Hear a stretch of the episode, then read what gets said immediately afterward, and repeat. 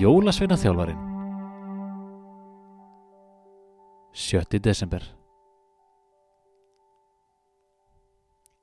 Það var fallegur morgun þegar Hallur vaknaði, bjart og stilt. Hann hafði beðið heil lengi límdur við gluggan um nóttina.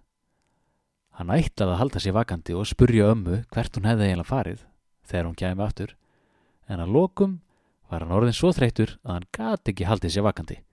Hann yrði að fara að sofa. Hann ákvaði að skriði upp í rúm í staðin fyrir að sopna með höfuðuð í gluggakistunni og sopnaði vært innan skams. Þegar hann kom niður var amma í eldhúsinu. Það kom svo sem ekkert óvart.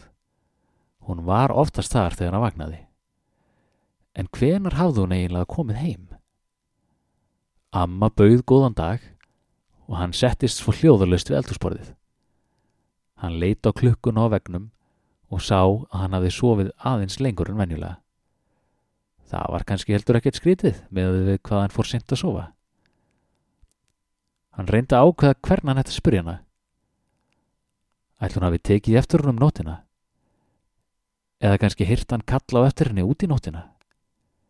Eða held hún að hann hefði kannski bara verið sofandi allan tíman og ekki tekið eftir neinu? Hann sat og velti þessu fyrir sér, enda svo lítið þreytur þegar hann veitti því eftirtekt að það var eitthvað aðeins öðruvísi en venjulega. Amma var ekki að spæla egg Hún var ekki að kreista appilsinusafa eða hella morgunkorni í skál. Akkur er amma að smurja samlokur svona snemma? Hann hafði aldrei fengið samloku í morgunmatt. Og af hverju eru þær svona margar? Svo rannaði upp fyrir honum. Amma var ekki búið til morgumatt, heldur nesti. Og áður hann geti spurt hana að því líka, sagði amma. Komdu höllum minn, við ætlum í smá ferðalag.